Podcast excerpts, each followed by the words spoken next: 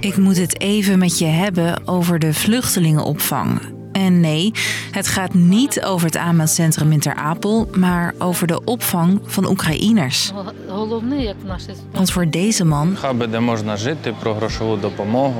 is er eigenlijk geen plek. En als het aan de politiek ligt, ook minder geld. Het is logisch, voorzitter. Ik benadrukt dat je mensen die vluchten voor oorlog en geweld uh, welkom heet. Maar daarna mag van mensen gevraagd worden op op eigen benen te staan.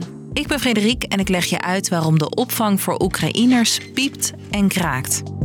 Lang verhaal kort. Een podcast van NOS op 3 en 3FM. Voor duizenden Oekraïners die moesten vluchten voor de oorlog was de eerste halte in Nederland. Centraal, Jaarbeursplein. Half vijf in de jaarbeurs in Utrecht. Een tijdelijke stop met plek voor 140 mensen. Maar. Afgelopen nacht sliepen er 154 mensen. En we zien nog steeds heel veel mensen arriveren. De opvang is twee jaar na de start van de oorlog in Oekraïne voller dan ooit. In het begin kwamen hier vooral gezinnen. Nu zien ze steeds meer jonge mannen aankloppen. We zien sinds de zomer dat er nog steeds mensen die zijn natuurlijk op de vlucht voor de verschrikkelijke oorlog. Maar ook al aangeven dat ze hier komen voor goede arbeidskansen en voor de goede voorzieningen. Zoals deze Oekraïense man. Hij zegt dat hij hier naartoe is gekomen vanwege de gratis opvang, onderwijs en financiële steun. En je ziet ook dat Oekraïners die eerst in een ander Europees land woonden, nu doorreizen naar Nederland. Zegt mijn collega in Den Haag, Noeska van der Meijden.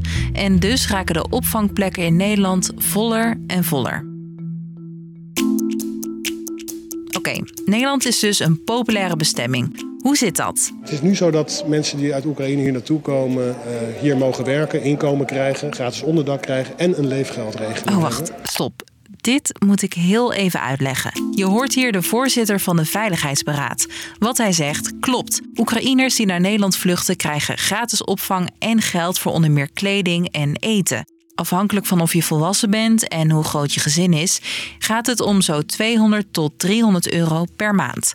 En dat is logisch, hè, als dat uh, net wordt bedacht, zo'n regeling, dat dat een generieke, genereuze regeling is. Maar na twee jaar moet er echt meer maatwerk in komen. Bij Oekraïense vluchtelingen zit het net even wat anders dan bij asielzoekers in Ter Apel bijvoorbeeld. Oekraïners hebben hier een aparte status. Je hoort mijn collega Noeska weer. Oekraïense vluchtelingen die hier naartoe kwamen, ja, die werden apart opgevangen, kregen leefgeld en mochten meteen werken zonder dat zij hier asiel hoefden aan te vragen. Meer dan de helft van de Oekraïners heeft hier inmiddels werk, maar krijgt dus ook nog dat volledige bedrag aan leefgeld. En dat zorgt voor een oneerlijke situatie. Asielzoekers in de opvang moeten bijvoorbeeld wel een eigen bijdrage betalen als ze werken. Nederland is trouwens niet het enige land waar werkende Oekraïners ook leefgeld krijgen. Dat hebben Duitsland en België ook, maar daar zit het iets anders. In andere landen krijgen Oekraïners sneller minder leefgeld als ze gaan werken. Partijen in de Tweede Kamer zeggen nu dat moet bij ons ook anders, want het heeft gewoon inmiddels een aanzuigende werking. Bijvoorbeeld deze jongen kwam naar Nederland om hier te werken tijdens een bollenseizoen.